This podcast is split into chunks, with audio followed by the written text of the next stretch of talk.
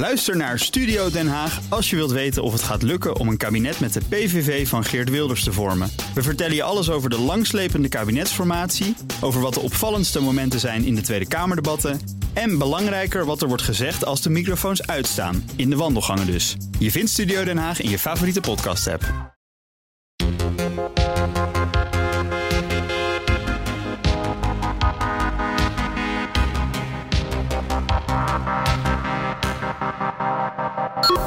Ook mijnbouw uh, aan, de, aan de orde is. En waar we mogelijk een, uh, een soort handelsovereenkomst kunnen maken. Zodat een deel of hier wordt ge geprocessed en geraffineerd voor onze industrie. En dat is een, een vorm van diplomatie met, noem het maar, bevriende landen. dat is iets wat Amerika in zijn Inflation Reduction Act ook heel duidelijk wil doen. ze kunnen niet alles zelf doen, niet alles nee. zelf mijnen. Maar dan ga je naar die landen waar wij geopolitiek op een een of andere manier toch wel goede relaties. Ja, maar je weet zelfs bij die bevriende landen, dan zullen er altijd toch weer eh, standaard de Kamerleden opstaan. Het is al eh, decennia lang het geval, ook nog in deze tijd, die meteen mensenrechten, mensenrechten gaan roepen en daarmee de boel helemaal plat leggen. Ja, dat is echt een probleem. Dat is problematisch. Tegelijkertijd, eh, op een gegeven moment moet er wel een doel worden gesteld, want anders dan staat een heleboel stil.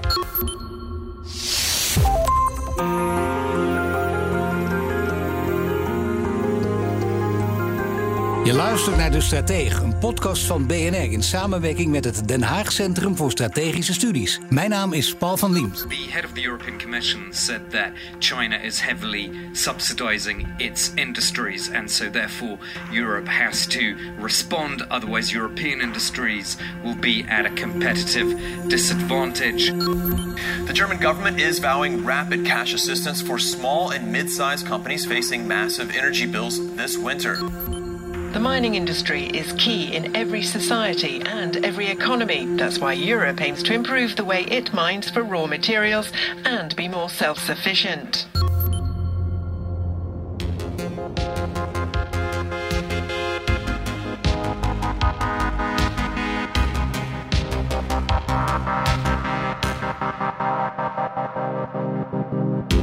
dat Europa stevig inzet om strategische autonomie te verwerven op het gebied van kritieke grondstoffen, dat hebben we al vaak besproken in de strategie. Maar om dat ook voor elkaar te krijgen, heb je de industrieën nodig die het uitvoeren. Een sector die relatief onderbelicht blijft, is de chemische sector. Terwijl juist die een cruciale rol kan spelen in de opbouw van een eigen industrie voor kritieke grondstoffen. En vandaar dus de roep om een nationaal chemieplan. Hoe dat er precies uit moet zien, dat ga je horen in deze aflevering van de Strategie van mijn twee gasten. Jacqueline Fase, boegbeeld van de topsector chemie vanuit het ministerie van Economische Zaken en Klimaat. En Lucia van Geuns, energiedeskundige van het Den Haag Centrum voor Strategische Studies. We get 98% of our rare earth supply from China. 93% of our magnesium from China. 97% of our lithium from China. And you can continue this list. Ja, die stem kennen we, Ursula von der Leyen. En om het beter te begrijpen, Lucia, ik begin bij jou. We zijn nu in Europa nog extreem afhankelijk van kritieke grondstoffen voor onze fysieke en digitale infrastructuur. Dat zegt von der Leyen. Uh, hoe zou jij die afhankelijkheid, hoe zou je die precies omschrijven?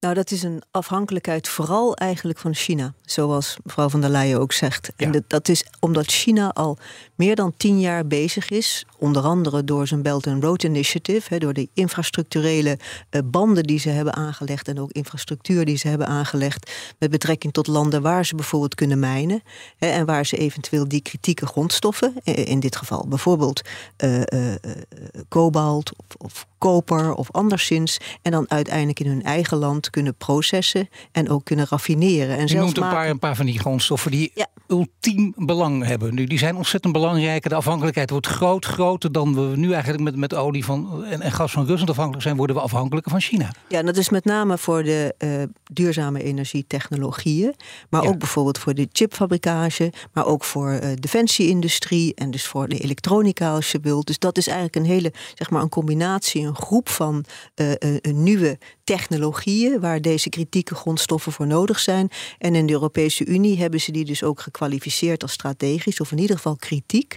Ze hebben 30 of eigenlijk iets meer dan 30 uh, um, mineralen geïdentificeerd en gezegd van daar kunnen we in de toekomst, en misschien ook al nu, zijn we van afhankelijk van die landen waar we eigenlijk misschien vanwege deglobalisatie, vanwege toch wel geopolitieke blokvorming, niet meer zo'n goede relatie mee hebben. En nou ja, dat je is zegt dus een die landen, dat is wel goed om dat erbij te noemen. Want we noemen altijd China. Ik denk voorkomen terecht natuurlijk. Het gaat ook voortdurend over China, die mm. afhankelijkheid. Maar ja, ook uh, landen met een andere bedenkelijke reputatie. Ja. De Democratische Republiek Congo komt ja. opeens uh, naar boven. Ja. Zijn er ook meer landen? Of is het, kun je zeggen, het is 95% afhankelijkheid van China? Nou, China is wel een heel belangrijk land hierin.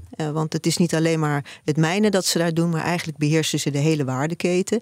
Maar je neemt, neemt bijvoorbeeld ook Rusland als je praat over palladium. En we noemen de Democratische Republiek van Congo. Maar ja, die eigenlijk mijnt hij alleen maar. Maar een groot deel van wat daar wordt gemijnd, onder andere koper, maar ook, uh, ook andere belangrijke kritieke mineralen. Maar die worden uiteindelijk dan vervoerd, maar ook gemanaged bij het mijnen naar China, die dan uiteindelijk de processing en de raffinage doet. En ook het maken van producten of halffabrikaten. Ja, dat alles bij elkaar, dat, daar gaat het natuurlijk ook om. Maar laten we even de nadruk leggen op de materialen. Je hebt er een paar genoemd. Welke materialen spelen nog meer een grote rol? Welke zijn echt essentieel? Nou, lithium bijvoorbeeld, als je praat over lithium, kobalt, ja. uh, batterijen. Hè, dat is natuurlijk heel belangrijk ook voor de, met name het maken van uh, elektrische auto's. Dus batterijen in het algemeen, dus de, de energiestorage, om het dan zo in het goed Nederlands te zeggen. Ja. En maar al met al, dat is op dit moment nog, alhoewel er nieuwe technologieën komen waar misschien minder lithium en kobalt nodig zijn, maar op dit moment een heleboel van de batterijen worden gemaakt ja. waar lithium en kobalt een belangrijke rol speelt. Lithium bijvoorbeeld, da, dat wordt vooral en voor dominant gemijnd in Chili. Ja, ook nog een aantal andere landen, namelijk ook bijvoorbeeld Australië. En dat zou je ook wel in een heleboel andere landen kunnen gaan mijnen. Er zijn verschillende methodes. Je kan het ook bijvoorbeeld eh, logen uit, uit een soort van pekelwater als je wilt. Dus daar komen wel alternatieven. Hè, maar dat komt nu pas op gang, omdat we zien dat er steeds meer afhankelijkheden komen van misschien maar één land. En bijvoorbeeld, nou, na vorig jaar willen we dat natuurlijk niet meer. Rusland was een uh, wake-up call. Hè? Dat is heel duidelijk, ja. Uh, nou, ik denk dat het al tijd is voor het boegbeeld aan tafel. Vind je niet, Lucia? Dan gaan we even naar, naar, naar, Jacqueline, naar Jacqueline. Want die kritieke grondstoffen die zijn voor de, voor de chemie sector natuurlijk ook van, van cruciaal belang. Maar waar worden ze vooral voor gebruikt? En misschien wel beter om nog even de, de chemie sector neer te zetten. De vierde in Europa, geloof ik, en Nederland. De tiende wereldwijd. Dat is veel groter dan mensen ook vaak denken. Ook ik weer hoor. Toen ik het uh, naar boven haalde, dacht ik, oh ja, dat is inderdaad groot. Het gaat over cosmetica, maar het gaat natuurlijk ook over medicijnen. Het gaat over computers. Uh, het gaat over metalen. Dus al en nog veel meer. Het, dus het gaat een... over plastics. Plastics uiteraard, laten we die helemaal niet vergeten. Ja. Alles wat hier staat, de computers, de tafel, de kleren die we aan hebben, dat is allemaal chemie. Daar wordt ze allemaal voor gebruikt. Hoe komt het eigenlijk dat dat, want je zou zeggen dat is dus belangrijk genoeg. En, en ook de, de positie die je inneemt in Europees en wereldverband. Maar toch moet dit steeds wel weer genoemd worden. Wat is de reden daarvoor? Uh, omdat mensen zich niet realiseren hoe breed chemie is en waar het allemaal in zit. He, want uh, als ik hier de straat op loop en ik vraag aan uh, gemiddelde voorbijganger: hè, wat is uh, chemie? Dan zeggen ze nou stinkende schoorsteen, PFAS, noem het ja, allemaal op. Staat er niet goed op? Nee, maar dat onterecht. Hoe komt dat dan? Want ik bedoel, eh, die andere kant is er ook. Maar dat is mijn vraag. Hè? Dat, die, dat dat niet in de hoofden van de mensen zit. Want je zou zeggen, daar heb je jarenlang tijd voor gehad om daar natuurlijk flinke PR voor te bedrijven. Dat, dat doen we ook, maar het is ook wat mensen willen horen. En uh, het net zoals goed nieuws geen nieuws is, is zijn ook de goede berichten nee. landen die niet in de goede bodem. Nee, en dat, dat is wel iets. Hè. Kijk, wij zijn een topsector. We zijn een van de tien topsectoren. Dat betekent dat we inderdaad een hele belangrijke sector zijn voor Nederland. En ook voor het bruto nationaal product. De, 18 procent eh, voor de export, geloof ik. Ja.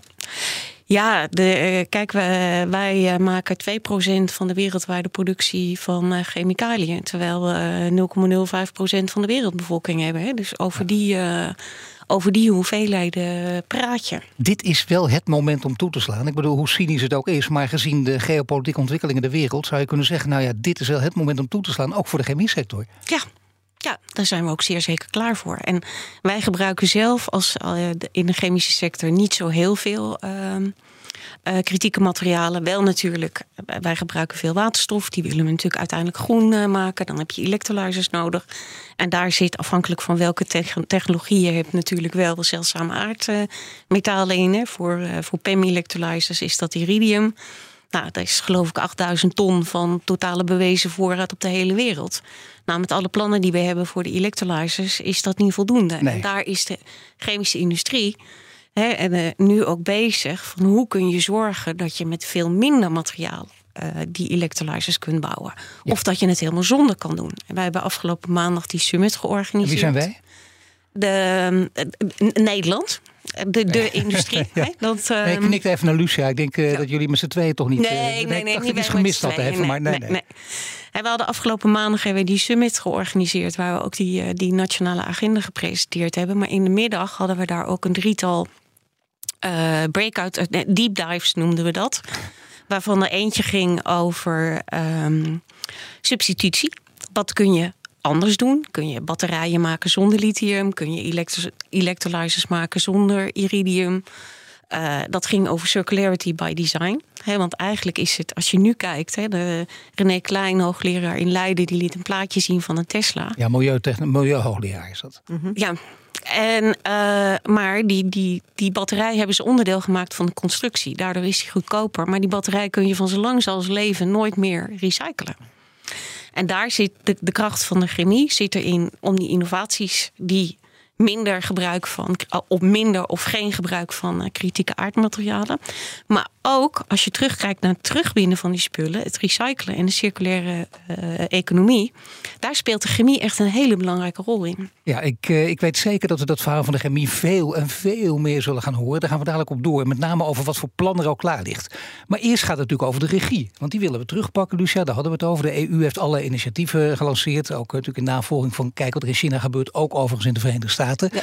In Europa heb je dan, of bij de EU heb je de, de Critical Raw Materials Act. Maar wat staat daar precies in? Want daar zijn de meningen ook over verschillend. En met name uh, verschillen de meningen ook over, vooral als het gaat over, over mijnbouw. Dat is soms ondoorgrondelijk om die act goed te kunnen begrijpen en te lezen. Ja, het is eigenlijk niet alleen maar de Critical Raw Material Act wat is gelanceerd. Dit was in maart van dit jaar. Ja. Maar ook wat ze noemen de Net Zero Industry Act. Precies, ja. dus het was een beetje een combinatie.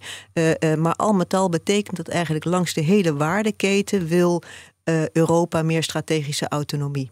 En dat betekent dat ze bijvoorbeeld, als je begint aan de upstream, zoals ze dat dan wel noemen, hè, dus in de mijnbouw, dat er 10% van alle kritieke mineralen, van die 30 plus uh, kritieke mineralen en ertsen die ze hebben geïdentificeerd, waar ze te veel afhankelijk zijn van het buitenland, dus Europa, hè, die moeten in Europa zelf worden gemijnd. Ligt de lat hoog, denk ik. De lat ligt heel hoog, want ja. als je kijkt nu naar de wereld en je kijkt naar mijnbouw in het algemeen, dan is Europa eigenlijk het enige continent waar er meer mijnen worden gesloten dan worden geopend. Dus die, die, die, uh, uh, zeg maar die ambitie om 10% eigen uh, mijn materialen, zullen we het maar eventjes noemen, of ertsen en, en, en mineralen te gaan mijnen, is ongelooflijk ambitieus. Vooral omdat je weet dat een, een mijn open je niet zomaar. Dat kost zeker 10 tot 15 jaar. Daarbij met het hele vergunningsstelsel gaat dat heel langzaam. Heel erg afhankelijk van waar je bent in Europa, waar dat kan. Hè, want we weten allemaal dat we het allemaal niet in onze achtertuin willen hebben. Nee.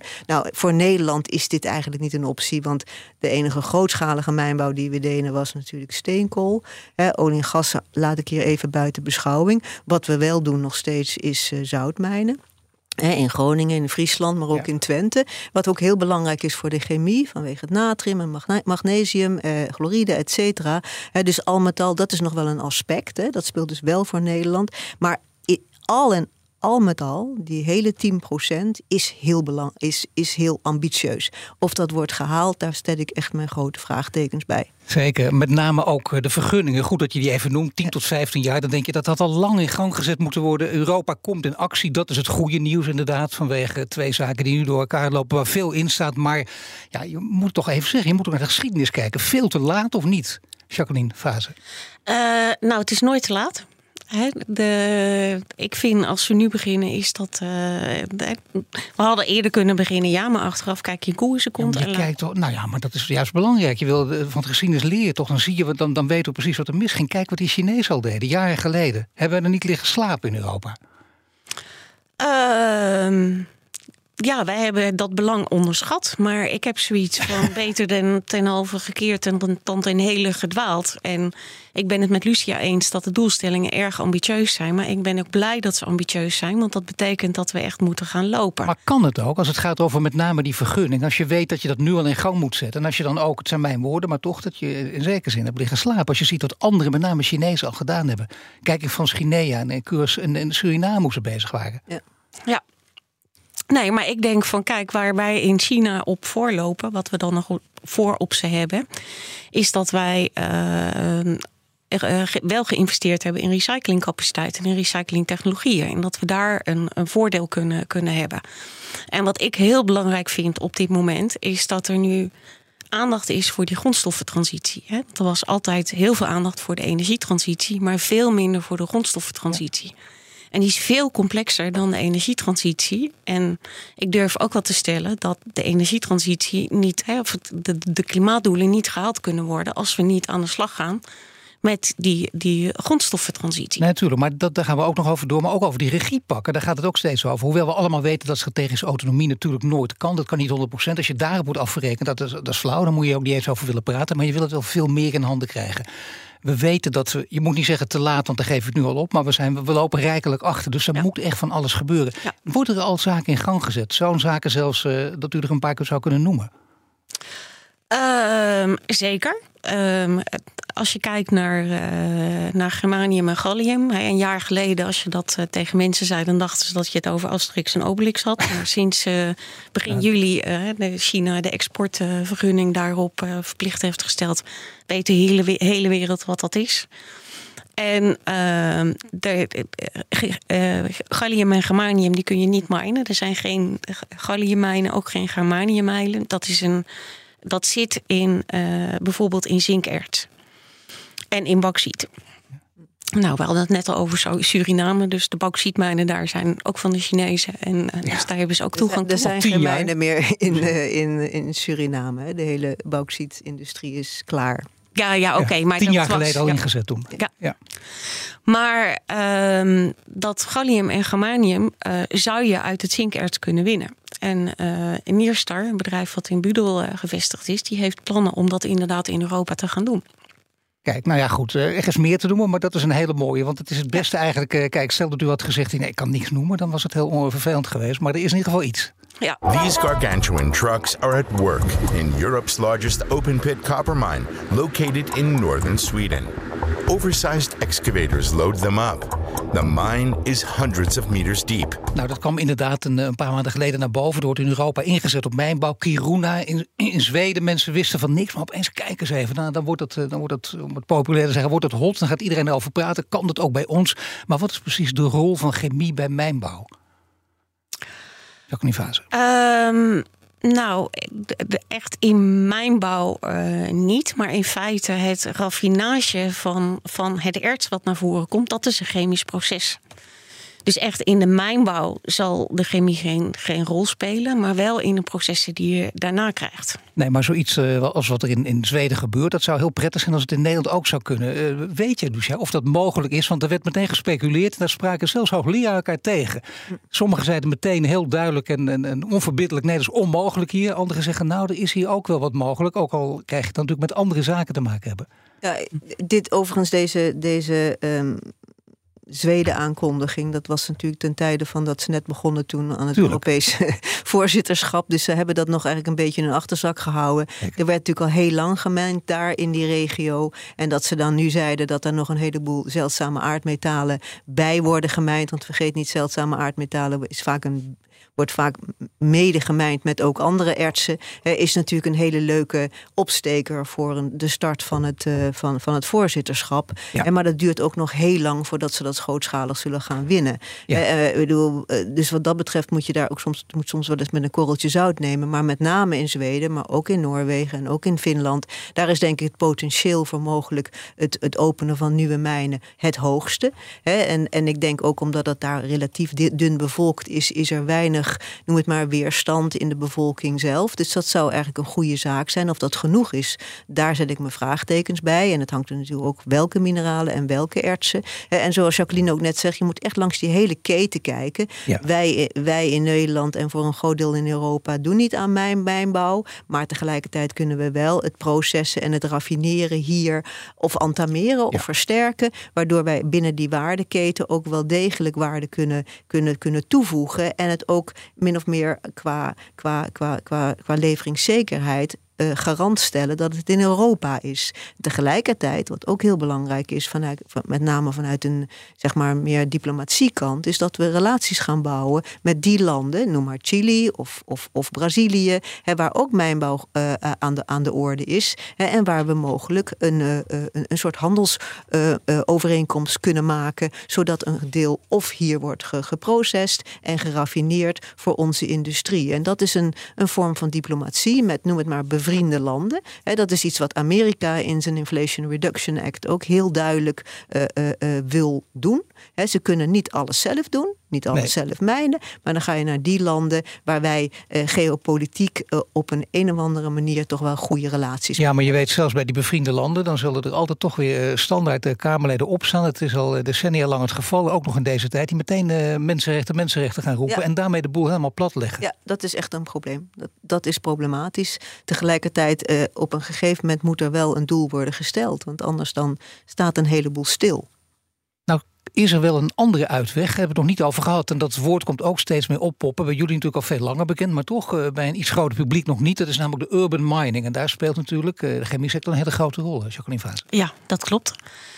Um, urban mining, ja, die kijken in, in, Nederland wordt vaak gezegd van, nou ja, maar wij, wij hebben die mijnen niet, dus we kunnen niks uit de grond halen. En ik zeg dan van, nou kijk dan naar wat we wel hebben. En dat is gewoon een enorme berg elektronisch afval. Ja. Mobiele telefoons, eh, laptops.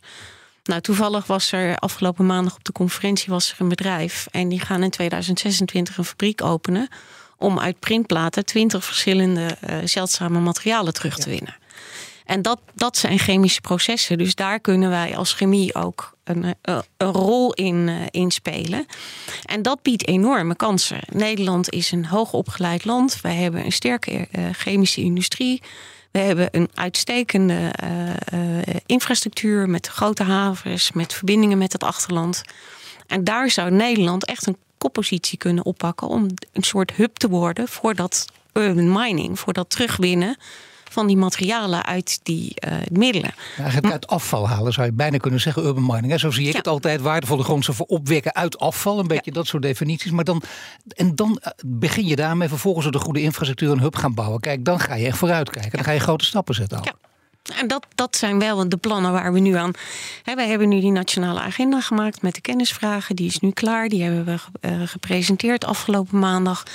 En nu is het zaak dat we echt stappen gaan maken van hoe kunnen we nu verder. En kijken naar uh, een nieuwe groeifondsaanvraag. We kijken naar een, een, een, in het nieuwe uh, kennis- en innovatieagenda's. en een meerjaren innovatieprogramma op het gebied van, uh, van Maar dat is een hele plan, daar wil ik het zo ook nog over hebben. Maar eerst even over waar je de aandacht precies gaat leggen. Want uh, u zei al eerder in dit gesprek ook, het is belangrijk om te kijken naar die materialentransitie. Ook wel raar dat dat dan niet gebeurt. Want we hebben het steeds over duurzaamheid, we halen andere zaken aan. Materialentransitie is misschien wel het nieuwe woord, een van de grote woorden van de komende jaren. Ja, zeker. Het is een, uh, een hele complexe transitie waar Nederland echt voor op de schop moet. Ik wil het even in een hiërarchie zetten, hoewel het vaak lastig is. Want dan, je, je moet alles uh, wegen. Alles is bijna even belangrijk. Maar is dit dus wel de allerbelangrijkste of niet, Lucia?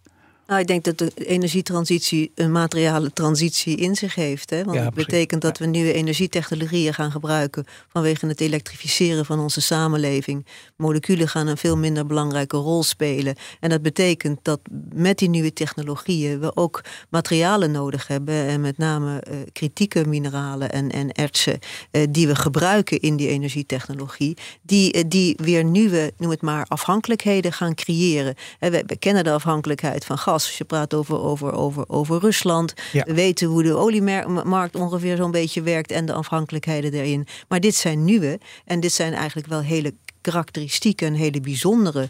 Uh, zodat, en dat met name omdat China zich daarin al 15 jaar geleden in heeft voorgesorteerd. Omdat die dachten in waardeketens en, en, en, en, en, en zeg maar langere tijdslijnen. En dat is iets wat wij eigenlijk nu pas uh, uh, gaan beginnen. En ook wat we ook nu pas echt leren. Dus we zijn wel een beetje laat in het spel. We zijn een beetje laat. Is dat uh, een eufemisme? Of zeg je van we lopen echt zo ver achter? Ik durf het haast niet te zeggen, maar dit haast niet meer in te halen. Nou, ik denk dat we China niet zullen gaan inhalen. Dus we moeten innovatief gaan denken. we moeten denken in vervanging, in an andere soort van technologieën. Waar we mogelijk die materialen gebruiken waar de afhankelijkheidspositie minder is. En we moeten ook minder gaan gebruiken. En tegelijkertijd ook moeten we, en dat is denk ik heel belangrijk in Europa, proberen om die industrie die dit wel degelijk wil gaan proberen, ook met betrekking tot innovatie en, en research and development, het het niet te moeilijk maken met betrekking tot wet en regelgeving. Dus daarin denk ik dat overheden enorm kunnen helpen. En dan praat ik met name over vergunningen, eh, vergunningen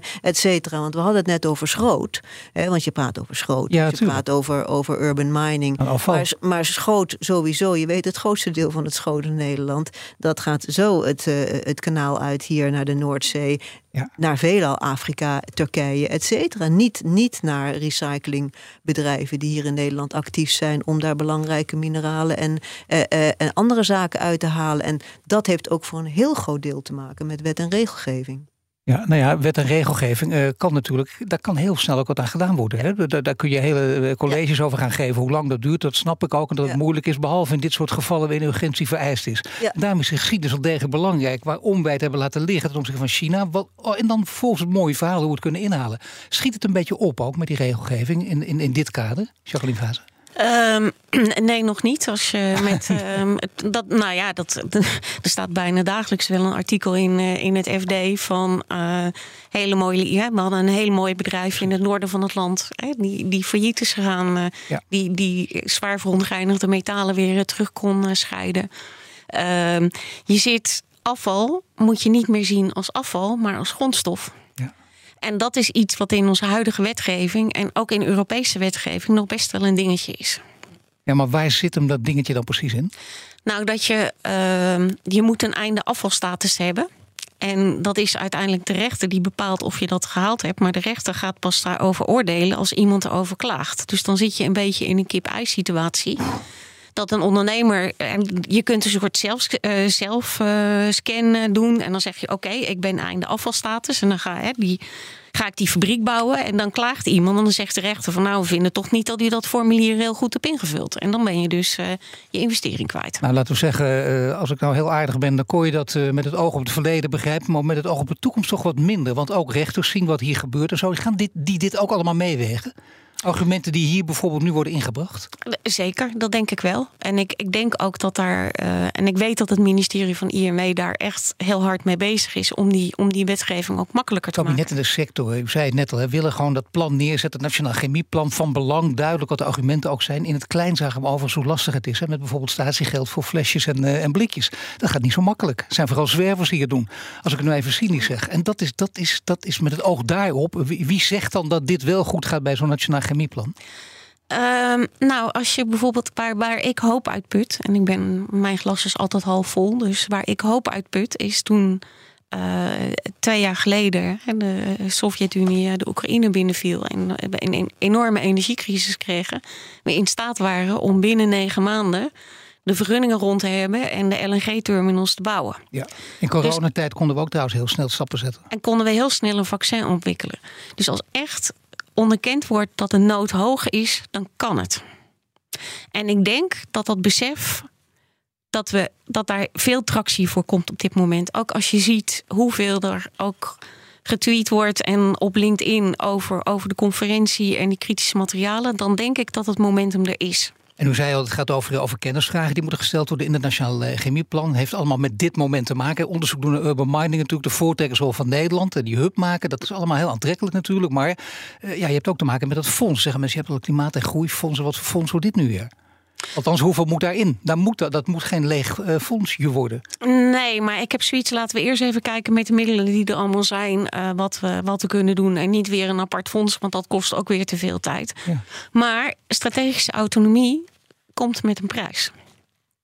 wij zijn altijd geneigd om voor het goedkoopste te gaan. En dan is de kans dat we in China eindigen heel groot. Ja. Dat zie je bijvoorbeeld nu met groene waterstof, met electrolyzers. Je ziet dat de business cases voor die projecten niet rondgerekend worden met de Europese electrolyzers. Het enige wat je doet is uh, bezuinigen op capex. En dan koop je dus een Chinese electrolyzer, want die zijn 60% goedkoper. Maar dan hang je jezelf dus ook op. En dus het komt nu met een prijs, want we moeten dus inderdaad dingen doen die duurder zijn. Maar die prijs die we betalen als we dat niet doen, is vele malen groter. Ja, en dat uh, in een tijd waarin weer nieuwe verkiezingen zijn, waar Chinezen veel minder last van hebben. Die kunnen met die lange termijn uh, plannen werken. Dat werkt natuurlijk op veel gebieden ook makkelijker. Dat kan hier niet alleen. Ja, hoe schatten jullie nu de kans in met een nieuw kabinet? Want dit kabinet blijft nog wel even aan en demissionair, maar toch. Verkiezingen, een paar maanden en dan een hele nieuwe situatie. Kan dit hele plan worden afgeschoten? Of is dit wel in beton gegoten? En is het duidelijk dat dit chemieplan hoe dan ook wordt doorgezet? Nou, kijk, dit is een, dit is een nationale agenda. En een, nationale, een agenda is nooit af. Dat is een levend document, dat wordt continu aangewerkt. En wij gaan hier gewoon mee door. En als ik het heb over wij, de initiatiefnemers van deze agenda waren Chemistry NL en het Nationaal uh, Materialenplatform, wat een initiatief is van de topsector uh, eh, HTSM, energie en chemie. Dus wij gaan hier gewoon mee door. En we zijn ook meer afhankelijk richting Europa dan richting Nederland. Dus dit is niet iets ik zou het heel mooi vinden als Nederland hier in een koppositie kan pakken. En dat kunnen we. En dat, dat willen we.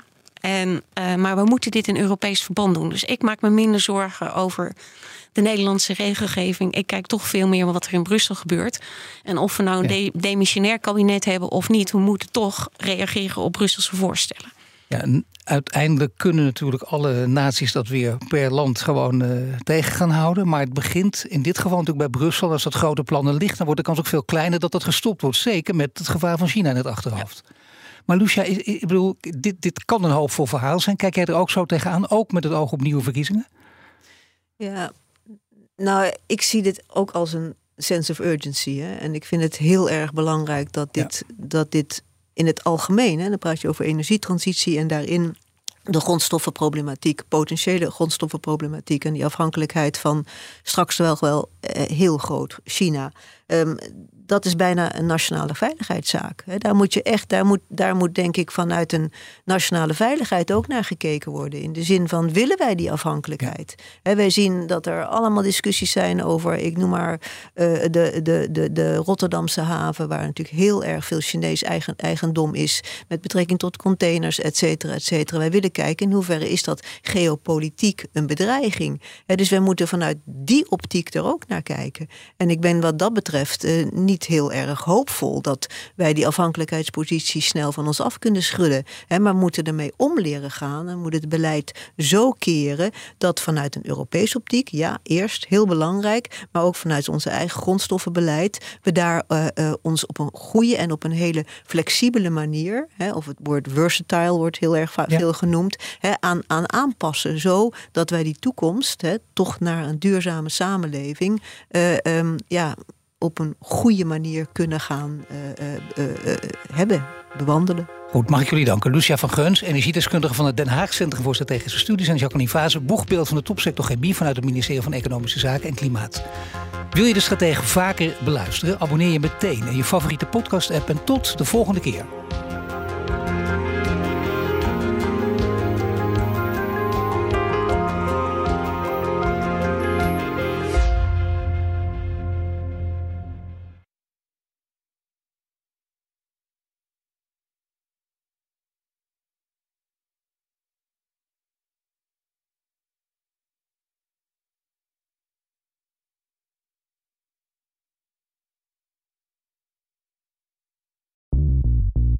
BNR ben je altijd als eerste op de hoogte van het laatste nieuws. Luister dagelijks live via internet. Bas van Werven. En heel langzaam komt de zon op rond dit tijdstip. Je krijgt inzicht in de dag die komt op BNR, het Binnenhof in Nederland en de rest van de wereld. De Ochtendspits. Voor de beste start van je werkdag. Blijf scherp en mis niets.